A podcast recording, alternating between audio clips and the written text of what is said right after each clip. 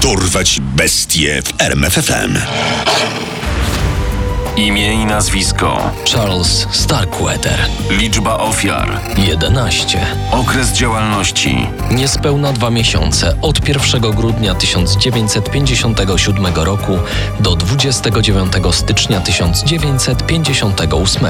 Okoliczności i miejsce popełnionych zbrodni. Podróż autem przez stany Nebraska i Wyoming w towarzystwie dziewczyny Carol Ann Fugate. Skazany na Karę śmierci. Wyrok wykonano na krześle elektrycznym w Nebraska State Penitentiary. Pamiętacie urodzonych morderców?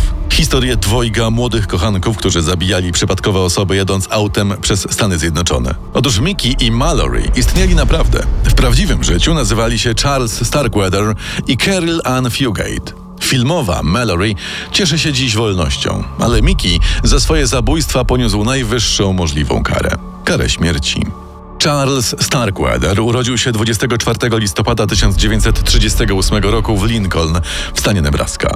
Był trzecim z siedmiorga dzieci Gaja i Helen Starkweatherów. Jego rodzice byli biedni, ale starali się zapewnić dzieciom normalne, szczęśliwe dzieciństwo. Okres beztroski skończył się jednak, gdy Charlie poszedł do szkoły. Z powodu swojej krótkowzroczności, a także niskiego wzrostu, wady wymowy i krzywych nóg, był gnębiony przez rówieśników. Patrzcie, idzie ta ślepa kaczka. Kwa, kwa, uważaj, bo się wywalisz.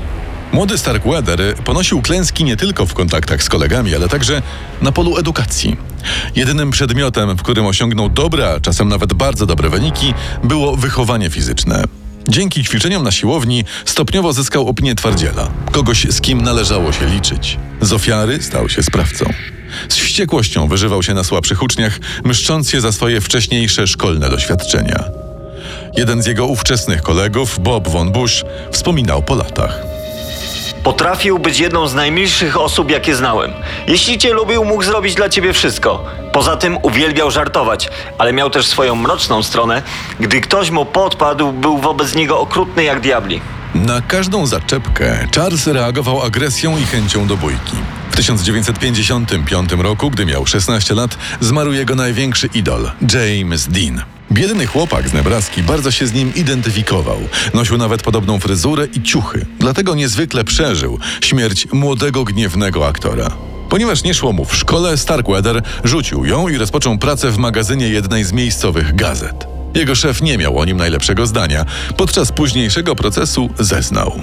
Trzeba mu było wszystko powtarzać dwa lub trzy razy. Ze wszystkich pracowników w magazynie był najgłupszym człowiekiem, jakiego zatrudniliśmy. Mniej więcej w tym samym czasie Charles poznał 13-letnią Carol Ann Fugate, zbuntowaną dziewczynę. Szybko spostrzegł w niej bratnią duszę. Ponieważ jego miejsce pracy znajdowało się w pobliżu szkoły Carol, młodzi mieli okazję do częstych spotkań. Nastolatka była wpatrzona w starszego chłopaka niczym w obrazek, a on twierdził, że jest w stanie zrobić dla niej wszystko. Rodzice dziewczyny byli bardzo sceptyczni co do tej relacji, ale młodzi nie przejmowali się ich opinią. Zachwyceni nie byli także rodzice Starkweathera, zwłaszcza po tym, jak Fugate niemal rozbiła Forda należącego do ojca Charlesa, Gaja. Pozwoliłeś prowadzić moje auto gówniarze, która nawet nie ma prawka. Pokryję koszty naprawy, ale wynoś się z domu! Charles wyprowadził się więc od rodziców. Zamienił też pracę w magazynie na nisko płatną robotę wywoziciela śmieci. Nie było go stać na zachcianki dziewczyny, a tych było coraz więcej. Uważał, że jego życie to jedno wielkie pasmo rozczarowań i frustracji. Nie było w nim miejsca na sprawiedliwość. Tak to odczuwał Starkweather. W ten sposób narodził się w nim bezwzględny morderca. Pierwszego zabójstwa dokonał na stacji benzynowej w Lincoln. Było to 30 listopada 1957 roku. Dzień wcześniej pracownik stacji, Robert Colbert, nie chciał mu sprzedać na kredyt zabawki dla dziewczyny. Słuchaj, kolego, kupujesz za gotówkę albo wypad. Starkweather wrócił na stację uzbrojony w strzelbę. Najpierw wymachując bronią, zmusił sprzedawcę, by dał mu 100 dolarów, a następnie porwał go i wywiózł z zamiarem porzucenia kasjera przed przypadkowym domem. Być może nie miał zamiaru zabijać mężczyzny, ale sprawy wymknęły się spod kontroli.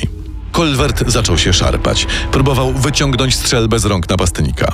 Starkweather zastrzelił go zatem, celując sprzedawcy w głowę. Morderstwo to wcale nie przeraziło Charlesa. Wprost przeciwnie. Poczuł, że wreszcie ma władzę i że może wszystko. 21 stycznia 1958 roku Starkweather przyjechał do rodziców swojej dziewczyny. Jak później twierdził, chciał zaprosić ojczyma Carol na polowanie. Tymczasem spotkał się z wrogim przyjęciem. Karil nie ma. Wynoś się stąd, ale już! I żebym cię tu więcej nie widział. Masz zostawić naszą córkę w spokoju. Słyszysz? Starkweather spokojnie opuścił mieszkanie rodziców Carol i postanowił zaczekać na dziewczynę na zewnątrz. W międzyczasie z pobliskiej budki wykonał telefon do pracodawcy ojczyma Carol. Pan Bartlett bardzo źle się czuje. Prosił, żeby poinformować pana, że jest chory i przez kilka dni nie będzie go w pracy. Gdy Carol wróciła do domu, czekający na nią Charlie opowiedział jej o całym zdarzeniu. Wściekła dziewczyna już od progu zaczęła kłócić się z matką. Starkweather uznał, że nie będzie biernie czekać na koniec awantury. Wszedł za swoją dziewczyną do mieszkania. Na jego widok rodzice Carol wpadli w szał. Podobno, jak twierdził później mężczyzna, rzucili się na niego z pięściami i z młotkiem. Charles nie miał więc wyjścia, musiał ich oboje zastrzelić. Nie jest jasne, w jaki sposób mogła mu natomiast zagrozić dwuipółletnia siostra Carol, Betty Jean, ponieważ Starkweather włożył jej strzelbę do gardła, a tym samym dziecko się udosiło. Według zeznań Charlesa razem z Carol ukryli ciała za domem. Carol twierdziła jednak coś innego. Nie brałam udziału w tej zbrodni. Charlie obiecał mi, że jeżeli będę z nim współpracować, to moim rodzicom nic złego się nie stanie. Po dokonaniu makabrycznego potrójnego zabójstwa para ani myślała opuścić dom ofiar, spokojnie siedząc w nim przez kolejny tydzień. Dopiero gdy babcia Carol zaczęła coś podejrzewać i zaalarmowała policję, Carol i Charles uciekli. Na początku udali się na farmę 70-letniego Augusta Meyera, przyjaciela rodziny Starkweatherów, mieszkającego w Bennett w stanie Nebraska. Charles zabił go, ponieważ staruszek rzekomo celował do niego ze strzelby. Następnie nastolatkowie zastrzelili psa należącego do właściciela domu, ukradli pieniądze i porzucili ciało Meyera na farmie. Mieli zamiar zabawić tam nieco dłużej, ale uciekli przerażeni pewnym odkryciem. Gdzie jest koc? Gdzie jest ten cholerny koc? Jaki znowu koc? No ten, którym przykryliśmy ciało, on zniknął. Curly i Charles nie odjechali jednak daleko, ponieważ ugrzęźli w błocie niedaleko farmy Meyera. Nie było wyjścia, musieli szybko znaleźć nowe auto. Wkrótce zatrzymało się przy nich dwoje miejscowych nastolatków: Robert Jensen i Carol King. Para zaproponowała pechowym podróżnym podwózkę. Wtedy Starkweather, grożąc bronią, zmusił Roberta i Carol do powrotu na farmę Meyera. Tam strzelił siedemnastolatkowi w głowę, a jego rok młodszą dziewczynę bezskutecznie próbował zgwałcić. Policja znalazła ją z raną postrzałową, rozebraną od pasa w dół, z licznymi ranami kłutymi brzucha. Podczas procesu Charles twierdził, że to nie on strzelił do Carol.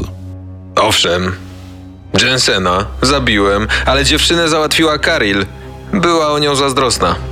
Carol Ann Fugate zeznała natomiast, że podczas gdy jej chłopak rozprawiał się z nastolatkami, ona spokojnie siedziała w aucie, nie biorąc udziału w podwójnym zabójstwie. Nie mając pomysłu, gdzie się udać w dalszą podróż, mordercza para postanowiła wrócić do domu rodziców Carol. Jednak parkujące przed nim radiowozy zmieniły plany zabójców. W końcu Charles wpadł na myśl, by jechać do dzielnicy bogaczy w Lincoln, do której często zaglądał, gdy pracował jako śmieciarz. Znam taką jedną rezydencję, mówię ci, no mega! Tam się obłowimy za wszystkie czasy. Fugate i Starkweather zakradli się do rezydencji Laura Warda i jego żony, Klary. W środku zastali pokojówkę oraz panią domu, którą Charles próbował zmusić do zrobienia mu posiłku. Kiedy kobieta próbowała uciec na piętro rezydencji, Starkweather pobiegł za nią. Według jego wersji, Klara mierzyła do niego z broni, a gdy chybiła, wściekły Charles zasztyletował ją. Czekając na pana domu, zabił jeszcze pokojówkę, którą znaleziono przywiązaną do łóżka i zadźganą oraz psa. Los całej rodziny przypieczętował powrót Lauera Warda. Gdy tylko mężczyzna przekroczył próg, został zastrzelony przez Charlesa. Po tej zbrodni Fugate i Starkweather zabrali jeszcze cenną biżuterię i opuścili Nebraskę autem należącym do państwa Wardów. O morderczej parze zaczęły pisać gazety. Coraz trudniej było im się ukryć przed wymiarem sprawiedliwości. Funkcjonariusze przeszukiwali miasto Lincoln dom po domu. Tymczasem Carol i Charles wyjechali do Wyoming. Desperacko poszukiwali nowego auta. Wkrótce trafili na obwoźnego sprzedawcę butów, którego wielokrotnie postrzelili, przejmując jego samochód. Tym razem mieli jednak pecha. Zatrzymał się koło nich młody kierowca, który zauważył, że para ma problem z hamulcem. Moment później zauważył coś jeszcze zakrwawione zwłoki. Charlie nie mógł puścić tego płazem. Wybacz kolego, ale to twoje ostatnie chwile. Młody mężczyzna próbował wyrwać broń Starkweatherowi. Spostrzegł to przejeżdżający szeryf William Romer. Kiedy wysiadł z auta, w jego stronę podbiegła Carol. On mnie zabije! Niech go pan aresztuje! To psychopata! Dziewczyna, widząc, że zanosi się na koniec morderczej eskapady, postanowiła udawać ofiarę uprowadzoną przez Charlesa. A tymczasem on sam wsiadł do auta i zaczął uciekać. Nie trwało to długo. Po kilku minutach pościgu ze strzelaniną Starkweather wysiadł z samochodu. Ponieważ odłamki przestrzelonej szyby uderzyły go w ucho, obficie krwawił i był pewien, że umiera. William Romer aresztował oboje. Tym samym Charles Starkweather został pierwszym amerykańskim nastoletnim spree killerem, czyli szalonym zabójcą. A Carol Ann Fugate najmłodszą kobietą w historii Stanów Zjednoczonych, która była sądzona za zabójstwo pierwszego stopnia. Para zdecydowała się na proces w Nebrasce, gdzie groziło im krzesło elektryczne. W Wyoming z kolei mogli spodziewać się komory gazowej. Nie wiedzieli o tym, że ówczesny gubernator tego stanu sprzeciwiał się karze śmierci. Charles najpierw bronił Caryl, ale gdy zorientował się, że dziewczyna go wrabia i zeznaje przeciwko niemu, zmienił zdanie. Robi z siebie niewiniątko, a tymczasem brała udział we wszystkim. A niektórych zabójstw, o, dokonała sama. Fugate starała się wmówić sądowi, że została porwana przez Charlesa, a nie uciekała, bo bała się o swoją rodzinę. Były to o tyle dziwne słowa, że dziewczyna doskonale wiedziała o tym, że jej rodzina nie żyje, zamordowana przez Charlesa przy jej biernym lub czynnym współudziale. Charlie nie czuł się winny swoich zbrodni. Podczas procesu spokojnie stwierdził: Ze świata i tak uszło życie. Podobnie jak z ludzi, których zabiłem. Charles Starkweather został skazany na krzesło elektryczne. Wyrok wykonano 25 czerwca 1959 roku. Carolyn Fugate, z racji na młody wiek, miała tylko 14 lat, wymierzono karę dożywocia. Została zwolniona warunkowo w 1976 roku. 20 lat później udzieliła jednego jedynego wywiadu radiowego. W 2007 wyszła za mąż i zamieszkała w stanie Ohio. W 2013 została poważnie ranna w wypadku samochodowym. W tym samym wypadku śmierć na miejscu poniósł jej mąż. Poznaj sekrety największych zbrodniarzy świata. Dorwać bestie w RMFFM.